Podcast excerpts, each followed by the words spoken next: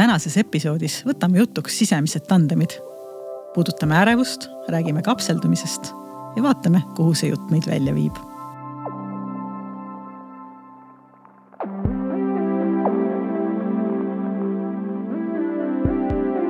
tere tulemast taas kuulama Tandemi episoodi.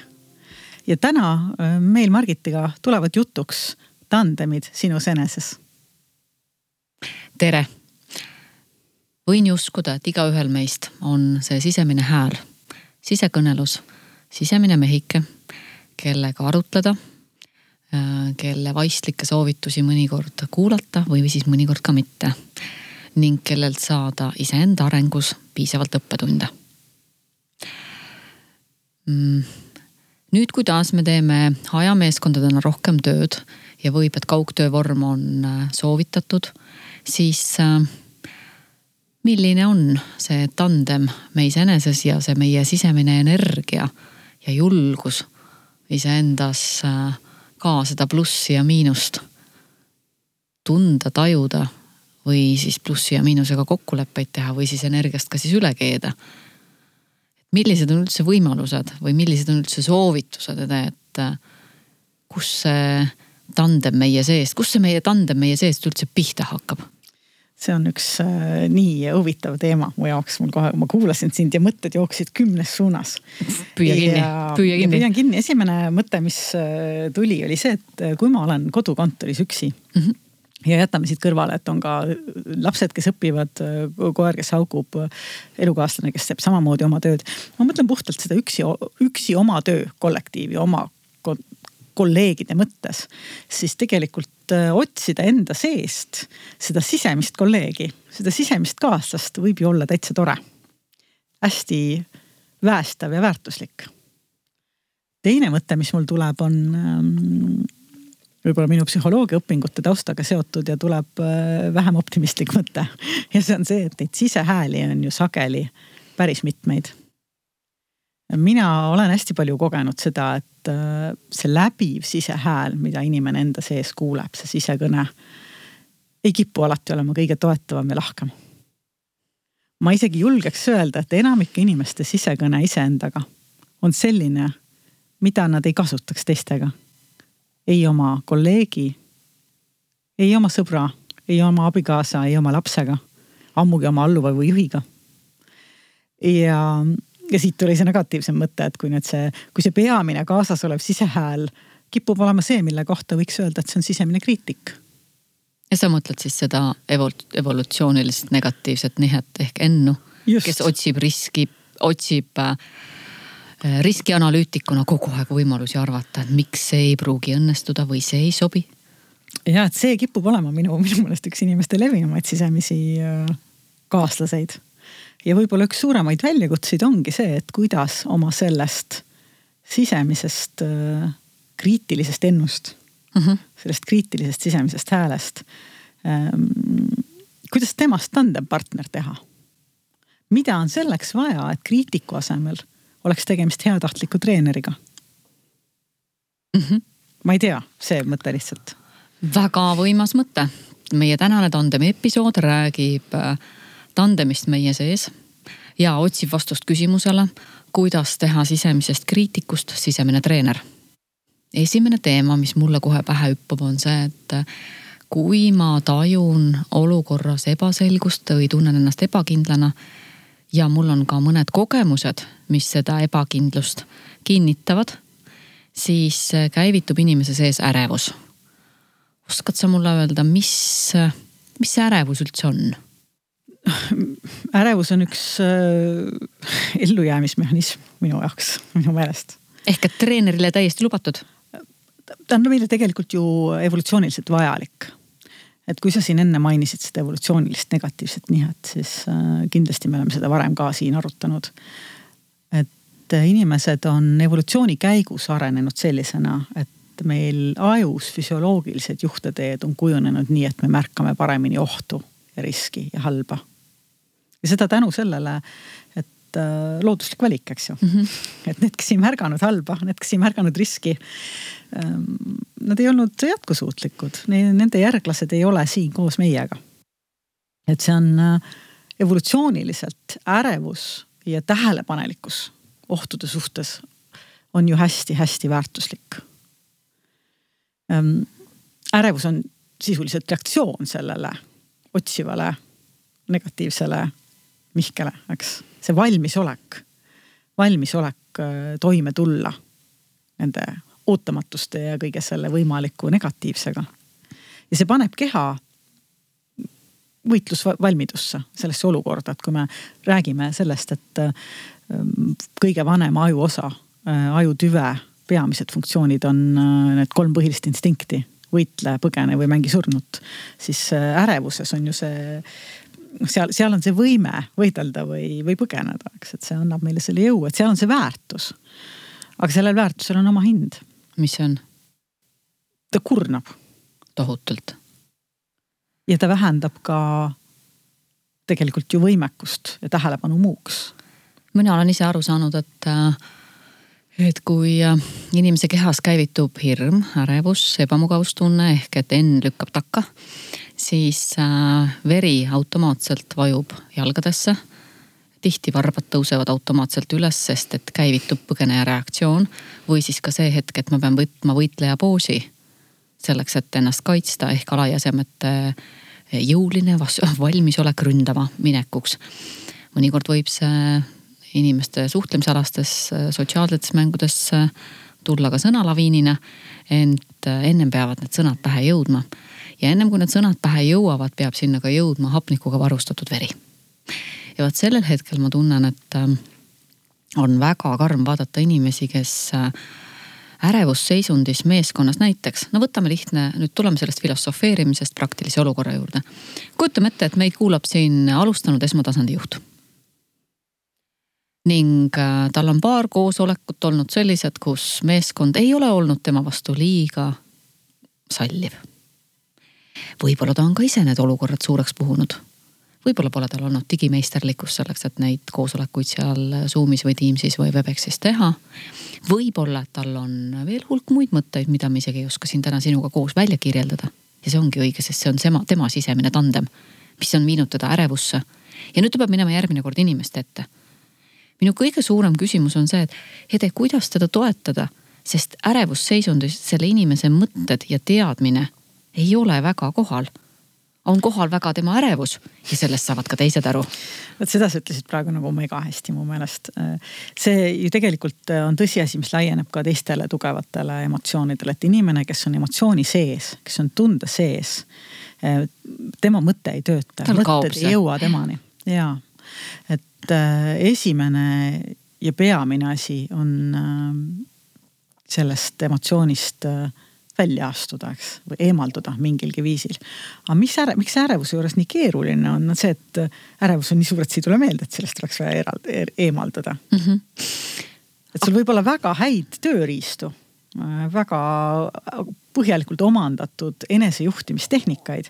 aga kui sa oled parasjagu selle tugeva emotsiooni sees või sa oled tugevalt ärev, siis need tehnikad ei tule meelde. ja ainus, mis mina siin olen leidnud, on see, et kui äh, mida paremaks mis iganes enesejuhtimistehnikad endal puhul treenida, seda paremini tulevad nad ka nendes keerukates olukordades ja ärevuse ajal meelde. ja see väljahingamine võib tuletada meelde ka mingi järgmise asja, mis aitab seda ärevust natukene juhtida ja tulla rohkem kohasse, kehasse, eh, kohale ja leida endas mingisugune jõud ja rahu, mis võimaldab ka mõttel liikuma hakata mm. -hmm. ja e, ühe tehnikana, mis äh, võib, et kui kuulajal peaks kunagi oma sisemises tandemis olema selliseid eh, väheke keerulisemaid olukordasid, siis eh, isegi sellest eh, sissehingamisest olulisem on väljahingamine, et me pumpaksime vana õhu välja. et diafragma saaks uuesti suure hooga pumbata sisse uut õhku ja uue õhuga tuleb ka väga hea siis nii-öelda hapnikuga varustatud vere rikastumine siis juba meie veresoonkonda. et igal juhul õhu kättesaamine on kehale sellel osas, sellel hetkel väga oluline. samavõrd ka väike füüsiline liigutus, mis pehmendab lihastes krampliku oleku asendamist natuke pehmema olekuga. no ja siis ikkagi meie vana sõber, et redefineeri. et kui äh, öelda sõna ehk et kui endale kakskümmend seitse korda oma sisemise mehikese abil ja muuseas ta suudab ju kuus korda kiiremini rääkida kui tavaline inimene endaga jah. et kui ta kuus korda kiiremini kogu aeg su peas taob, ma olen ärev, ma olen ärev, ma olen ärev. millise sõnaga võiks asendada ärevust? No minule meeldib ärevus keerata elevuseks. elevuseks, eks kui hirm keerata põnevuseks, siis ärevus keerata elevuseks. see on meie tandemi soovitus. mulle see väga hästi sobib mm. -hmm. ja võib-olla isegi siit ma läheks sammu tagasi, et enne seda ümbersõnastamist mm -hmm. või reframe imist äh, on mu meelest üks oluline samm veel ja no. see on äh, destigmatiseerimine. ehk siis selle ärevuse ähm,, ärevusega kipub kaasnema just nimelt see, et ma olen ärev ja siis ma olen ärev sellepärast, et ma olen ärev ja ma saan kurjaks enda peale sellepärast, et ma olen ärev. ja see on selline nagu vicious loop öeldakse inglise keeles, eks ole, selline kuri rõngas, kust sa ei saa enam välja, eks. et selle tõttu nagu mm, teatud just nende sotsiaalsete ärevuste puhul, mis, millest me tegelikult me ju räägime, eks ole, juhi, juhi puhul on tegemist eelkõige sellega, eks.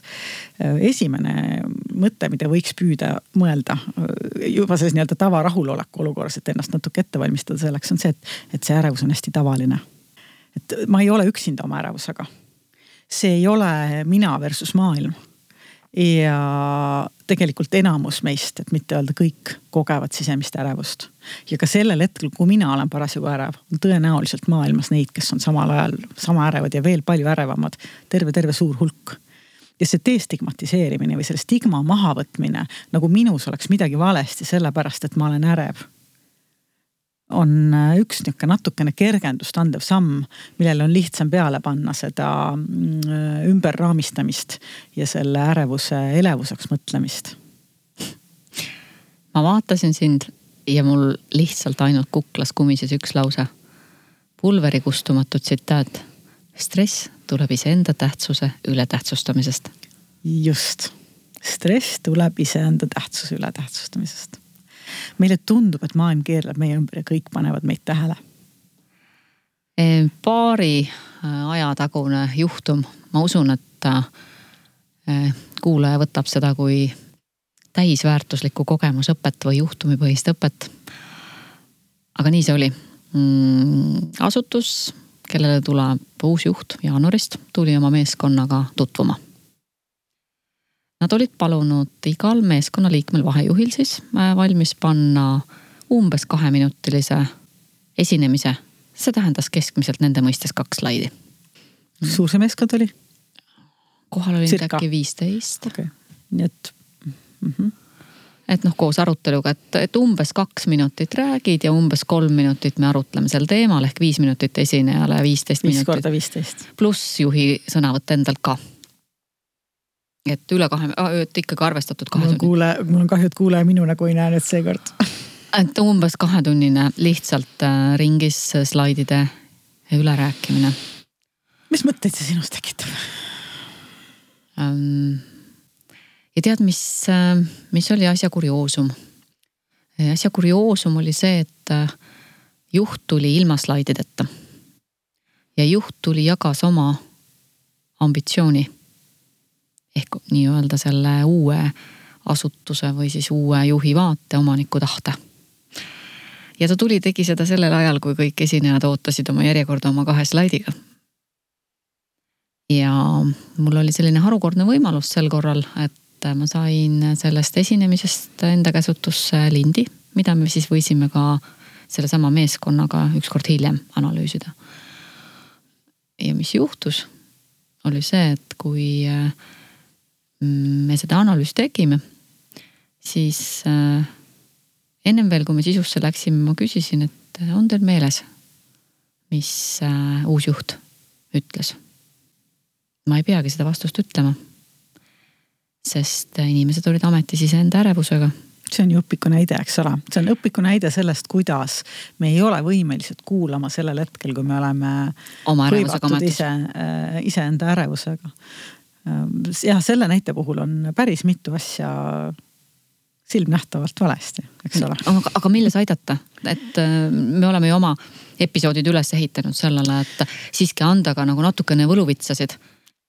ja vot minu jaoks esimene asi on see, et äh, uus juht uues meeskonnas. Äh, kas on kõige õigem samm minna kõigepealt peale oma visiooniga, oma ambitsiooniga, kõige esimese asjana, tere, mina olen Hede ja ma kavatsen selle ettevõtte ümber pöörata või oleks siiski mõtet enne kuulata? eriti kui me räägime sellest, et töö pole ju veel alanud. et inimene tuleb tööle jaanuarist. et mulle tundub küll, et esimene samm võiks olla kontakti loomine, kontakti saamine. mingi silla ehitamine minust minu tulevase meeskonnani. mitte see, et ma lajatan neile oma visiooni kohe ette nüüd teine asi, mis seal oli, oli see, et nagu, nagu me mõlemad ütlesime, eks, inimene ei ole võimeline kuulma, kui ta on ärev. Et kui sa tahad niimoodi teha, et sa lähed ja laetad neile oma äh, ambitsiooni ette ja samal ajal küsid ka nendelt nende nii-öelda tutvustusringi, siis no inimene tee seda vähemasti teises järjekorras. Nii armas on, kui ainult kuulaja näeks, kuidas Edel käsi käib vastu lauda ja see põmakas, mis siin taustal tuleb, on ainult sellest, et see viis, kui inimene ütleb, ma lajatan infoga, siis alati tema kehas lajatab midagi ka. et äh, lihtsalt mõnus vahelepõige mõelda, kuidas ikkagi meie sõnad käivad meie kehast läbi et ja, äh, kui me ja. räägime siin ärevusest, aga täpselt samamoodi ka see, et kui mul on midagi, mis tekitab viha või midagi, mis tekitab must nagu tõsise ah, küsimustunde, eks, et pumm, mis mõttes siit korra kõrvalepõige sellele, et äh, lihtsalt kuulajal võib-olla lihtsam aru saada. minul on hästi kõrge esinemisärevus minul on veel kõrgem. mul on veel kõrgem ja ma olen esinemistreener ja Just ma pean seda alati ja ma pean seda alati inimestele ütlema. et äh, kui, äh, et noh ja küsi- ja siis küsimus, no kas need tehnikad siis enda puhul ei aita? muidugi aitavad. muidugi aitavad. muidugi aitavad, sellepärast me teame, et aitavad, et meil on nii kõrge esinemise ärevus. ja see ärevus käib alati kaasas, ent küsimus, kui ta pöörata põnevuseks, rõõmuks või elevuseks, saab sellega teha palju rohkem. nõus aga mida veel, mida veel me võiksime sellesse olukorda sellisele uude meeskonda minevale juhile kaasa mm -hmm. soovitada? noh, teine, mis on, on see, et, et kui on kindlasti ikka slaide vaja, siis palun need slaidid iseseisvalt endale ette. et selleks ei pea ju ka tegema sellist äh, kollegiaalset ümberjutustust. koos slaidi lugemine on üks äh, kindlamaid aja raiskamismeetodeid minu meelest. jumal, ma olin val, peaaegu valmis mõtlema, mis mõttes üks kindlamaid ja mul nagu see wishful thinking sinna ja see soovkujutelm oli see üks kindlamaid ära ütle, et see on ometi töökindel Si. siit väike oh. vahepõige. päev või paar tagasi ühe tuntud professori äh, sotsiaalmeedia postitust vaatasin, kui ta oli kirjutanud wishful thinking äh, jutumärkidesse ja mitte kirjutanud selle wishful, vaid fishful ehk siis kalutäis mõtlemine. ja ma sain kõva häälega naerda, sest arva, arvan, et selle akadeemiku puhul oli see täiesti taotluslik et soovmõtlemine või kalutäis mõtlemine, ma arvan, mõlemad on väga head terminid. ja isegi ka, kui sa siin selle mõtlemissõna juurde tood, siis äh, tandemis minu endaga on väga hea ka kontrollküsimus iseendale ja oma sisemisele treenerile. kas ma olen jutustusmõtlemises või ma olen sooritusmõtlemises? väga hea küsimus. ja alati jääb see küsimus, et äh, mida rohkem äh, hajameeskonnad, kaugtöö ja digis sotsialiseerumine meil hetkel sellel äh, ajajärgul töövahenditeks on, seda kindlam tuleb olla ainult või piisab, piisab ka täiesti rahulikult ainult ühest küsimusest, kas tulen jutustusmõtlemisega või tulen sooritusmõtlemisega? Ja, ja ma siin tõmbaks nagu selles mõttes nagu ka natuke pai sellele jutustusmõtlejale, et ta ei saaks, et, et, et juht ei arvaks, et jutustusmõtlemine on midagi halba. et me oleme ju palju rääkinud sellest ka, et story telling on juhtimistööriist. armas. jutustusmõtlemine on väärt, väärt tegevus, kui sul on eesmärk, miks sa seda teed. ja siis on väga tähtis nagu äh, läbi mõelda, et mis see jutt on siis, mida ma jutustan, et see nii-öelda narratiivi kontroll ja selle sobivus meie eesmärgiga ja olemegi saanud sooritusmõtlemisse, eks ole mm. -hmm. et eesmärk, jälle eesmärk, ma nagu mingi papagoi selle miks küsimuse eesmärk. no ja, või et ka lugu, et siis alati lugu sillaga, mitte Just. lugu sellepärast, et iseenda ärevusest äh, lahti saada. ja võib-olla, et mõnikord tuleb isegi öelda, et selleks, et oma slaidipakile kuidagi natuke ähm, mõistuslikumalt otsa vaadata, siis las olla ka mõnikord mõni lugu ilma sillata, kui see aitab sind oma slaidipakist vähekene vabaneda. aga mul on sellest ärevusest, palun, kas mul jäi ei, selle, mulle siis tundub, et see tundus, et see on see koht, kus võiks teha silla väiksesse pausi. no aga laseme käia, teeme pausi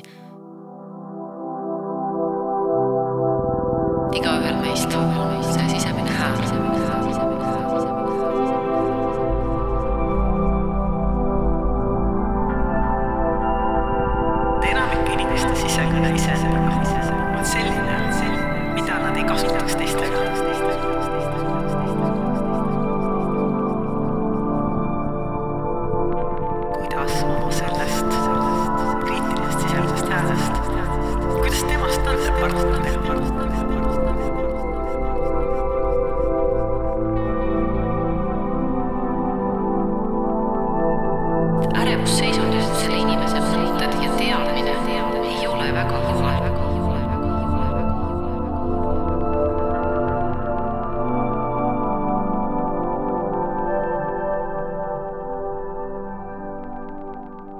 ja me oleme tagasi oma episoodi juures, kus me räägime täna tunnetest ja pingetest just sisemises tandemis. Ja eelmise episoodi osa me lõpetasime rääkides ärevusest ja rääkides sellest, millal siis millega lajatada ja kuidas neid, seda ärevust ka enda sees siis ümber sõnastada või ümber defineerida. noh, ärevus äh, tõesti võib meid piirata. aga see on väljapoole paista. ärevus on ka mingil moel elevus ehk et väga palju sahmivat energiat meie sees ja sellist asjade laialipaigutamist ja sihma-sahma siia-sinna, pilk ei, pilk ei püsi paigal. ehk et see kõik on hästi sahmerdav. aga sellele sahmerdavale vastu on teises servas midagi, mis on väga stoiline, pealmine rahu. aga mille all võib olla just nimelt kapseldumine. ütle, mis see kapseldus, kapseldumine meie sees teha võib ja kuidas seal väheke rahulikumat teerada treenerile soovitada? Sa ütlesid nii ilusasti, et see on skaala teises otsas. mitte, et me sellise skaala oleks valinud või kokku leppinud, aga kapseldumine on ju väga hea kaitse. mida, mida siil teeb, kui ta tõmbab kerra? kattub. eks ju, et kapseldumine, ma, ma lähen oma maailma ära ma ehitan oma müüri mm -hmm. üles, ma lükkan oma okkad välja või oma nii-öelda sileda seina välja, mida mul parasjagu vaja eksponeerida on. see on kaitse. Ja mis puudutab psühholoogilisi kaitseid, need on olemas meil selleks, et meid kaitsta, ehk siis nad on väga vajalikud asjad. et kui me alustasime sellest, et ärevus on evolutsiooniliselt vajalik, siis kapseldumine on samamoodi üks väga vajalik asi. taaskord sellest teadlikuks saamine võimaldab õppida seda juhtima on kohti, kus võib-olla meil ongi vaja seda kaitset ja kus see on täiesti teretulnud. ja on kohti, kus sellega kaasneb väga palju piiranguid. Me võtame endalt ise ära võimaluse. et äh, me siin enne vaatasime ühte näidet, uus juht uues meeskonnas ja, ja üks esimesi samme, mis on vaja teha, on kontakt luua, kontakt saada. kas kapseldunud inimene saab olla kontaktis välismaailmaga? kui hästi ta saab olla kontaktis välismaailmaga, teiste inimestega, oma meeskonnaga tuleb ainult see üks maal meelde, mis siin selles somes ehk sotsiaalmeedias ringles. Kus äh, vist äkki viiekümne aasta eest oli see maal tehtud, kus olid äh, nagu tõukeratastega liikuvad inimesed ja kõigil olid väiksed klaasist kapslid ümber.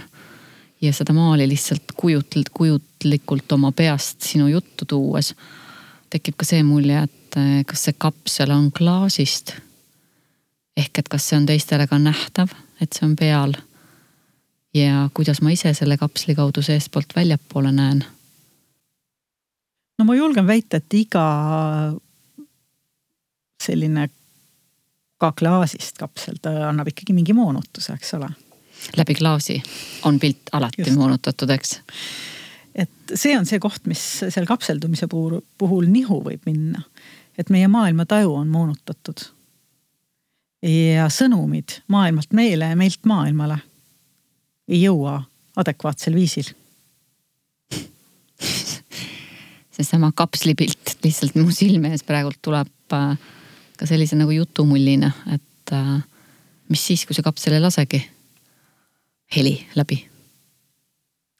kõlab täiesti loomulikult et see tuleb siit see teine sotsiaalmeedia nagu meem, mis palju levib nende virtuaalkohtumiste kohta, eks ole. ei ole suurt vahet, kas virtuaalkoosolek või eelmise sajandi alguse vaimude väljakutsumise seansid. Tiina, kas sa oled meiega? Mati, anna mulle märku. kas sa kuuled meid? kas keegi on siin?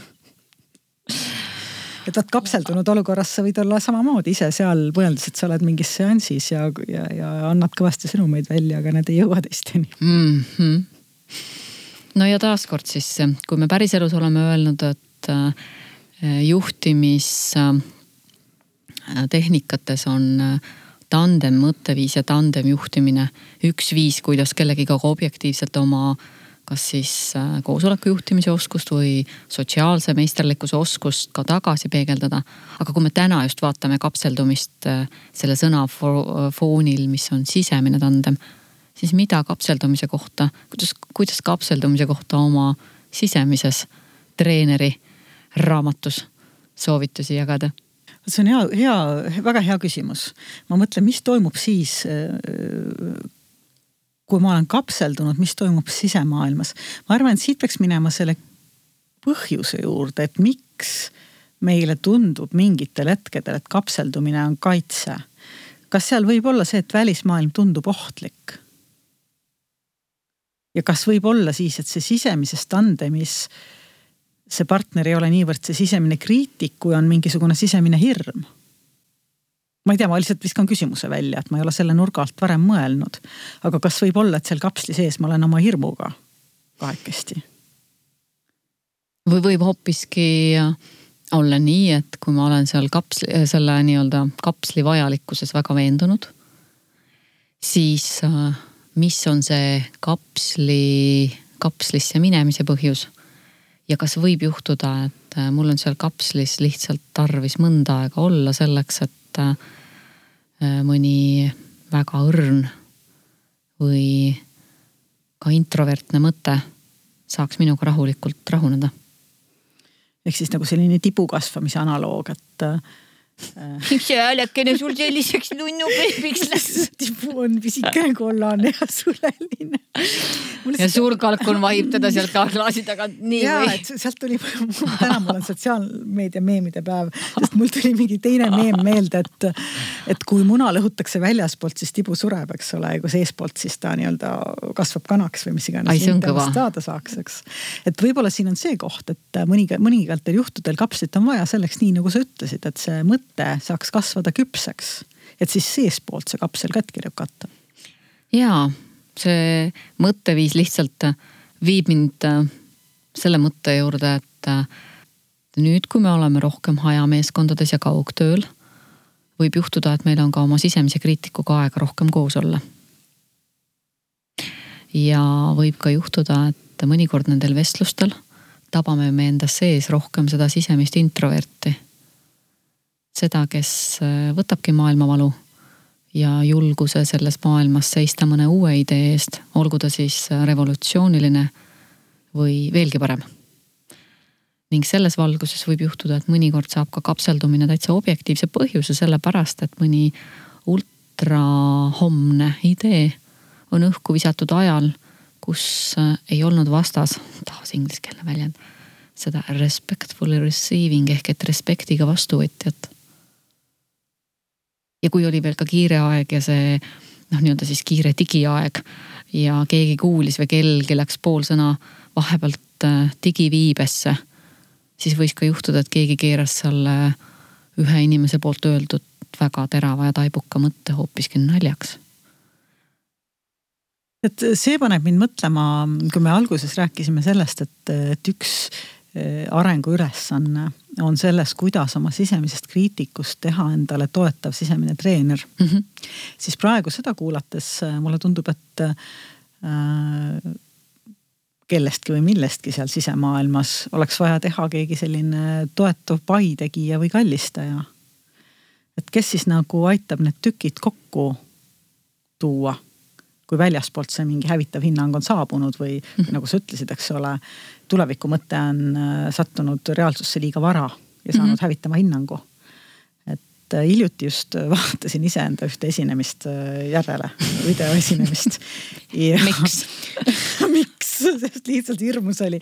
aga, aga mis mul sealt silma jäi, oli see, et ähm, esinemine polnud pikk, aga selle käigus ma arvan, üks kümme korda ma tegin pai endale et küll see käsi käis siin niimoodi silitamas lohutamas, julgust andmas ja ärevust vähendamas ilmselt, eks ole. et ma ei tea, kas teistele see sama kõvasti silma jäi nagu mulle endale, aga päris naljakas see oli.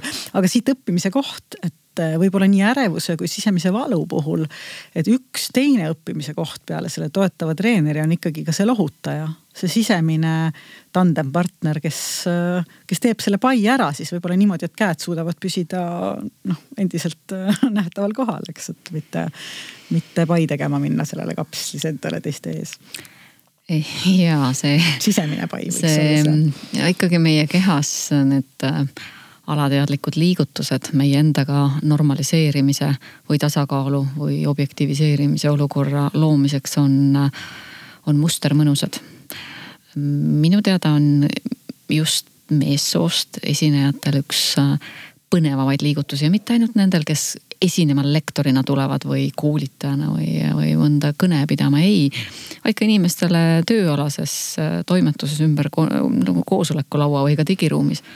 Kui nad on ära öelnud midagi, mille üle nad ise silmnähtavalt uhkust tunnevad, siis nad teevad väikse juuksekatsumise, väikse, sellise väikse nagu selline nagu korraks tehakse enda aju pindmisele kihile, sellele korteksile siis ja tehakse selline väike tunnustav selline kratsimine umbes nagu loomariigis, eks ole, kui sa oma peni millegi eest tänad või teda lihtsalt nunnutad.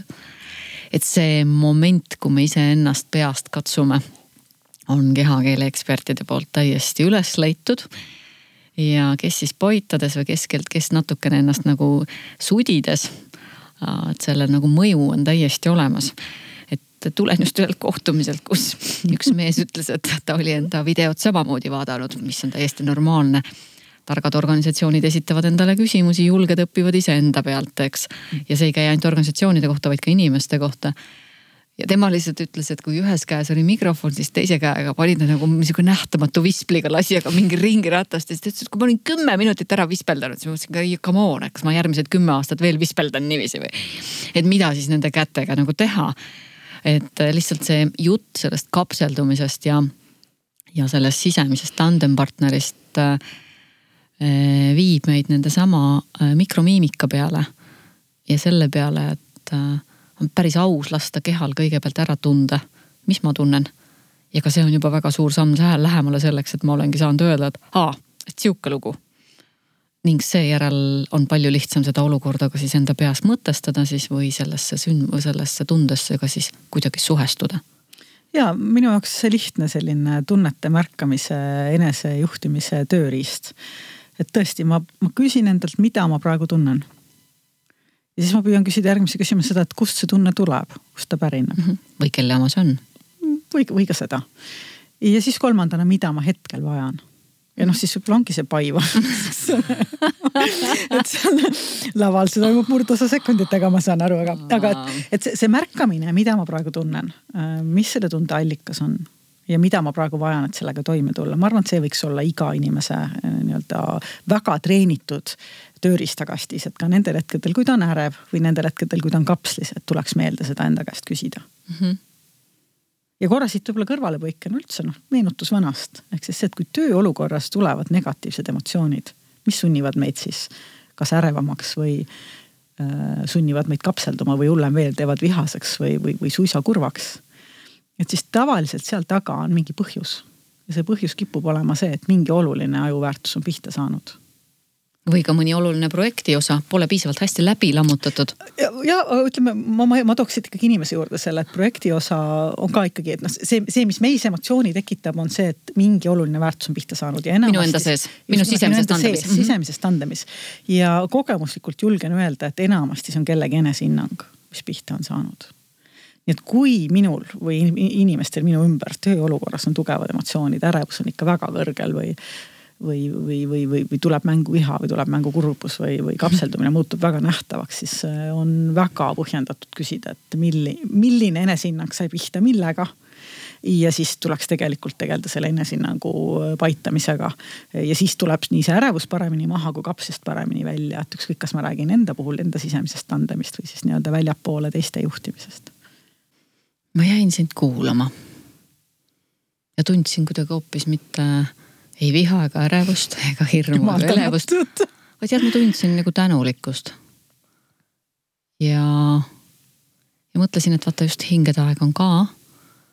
ja tundsin ka sedapidi, et kas võib, et üks soovitus või üks koht, kus ka iseendale täna siin neid asju lahti rääkides võib-olla ka iseendale millegi eest tänulik olla, et ma selles olukorras ennast niiviisi nüüd just avastan. hästi nõus, tänulikkus on ju üks tugevamaid, tõstvamaid emotsioone. et see Seligmani kunagine uuring, kui kolme hästi läinud asja märkamine iga päev aitas välja äh, meeleoluhäiretest, eks. et tänulikkus kui tööriist, tänulikkus kui pai iseendale võiks olla täitsa väärt. ja, ja võib-olla ka tänulikkus, et ma tabasin seda enda sisemises kõneluses ennem, kui see oleks võinud utreerituna minna väga suureks. või ennem, kui keegi teine oleks pidanud kuidagi ebaviisakalt tulema seda mulle läbi lillede ütlema ma arvan, et hästi nõus, jah. võib-olla on üldsegi õigust öelda, et aga võib-olla tasub oma sisemisele tandempartnerile senisest rohkem tänulik olla. ja me varem oleme rääkinud projektsioonidest. siis ma arvan, et äh, neid jääb vähemaks. mida paremini me nende sisemiste tandepartneritega hakkama saame, seda vähem on põhjust väljapoole projitseerida enda teadvustamata osasid. no just ja kui kaugtöös me jätkuvalt jätkame ilma piltideta äh, digikohtumistega, siis võib-olla, et ei olegi sellel peegelneuralil liiga palju kelleltki endale peegeldada, eks. just oh,. me jõudsime tänulikkuseni ja kas tõmbame äkki tänasele episoodile joone alla? tänulikult, jaa. jaa, aga ütle mulle, mille eest sa tänulik oled tänase episoodi ja üldse tegelikult meie tandem episoodide ja tandemi podcast'i puhul? no minu jaoks on see suur kingitus, et me võtame koos selle aja, et vaadata iseendasse. ja sinu peegeldustest ma näen iseennast ja vastupidi ma iga kord õpin midagi enda kohta ja kui meil vahest on veel külalisi kaasas, siis on see õppimine veel mühisevam. et ma olen tänulik, et me teeme seda. nõus, ilus, aitäh selle eest. mina olen tänulik selle eest, et me ikkagi julgeme võtta juhuseid. Need juhused on toonud meid täpselt siia, kus me oleme. ja juba järgmine kord, kes teab, kes juhuslikult on meie kõrval siin eetris. olge hoitud ja meie omalt poolt Hedega ütleme, et meie selle korra tandemi episood on läbi saanud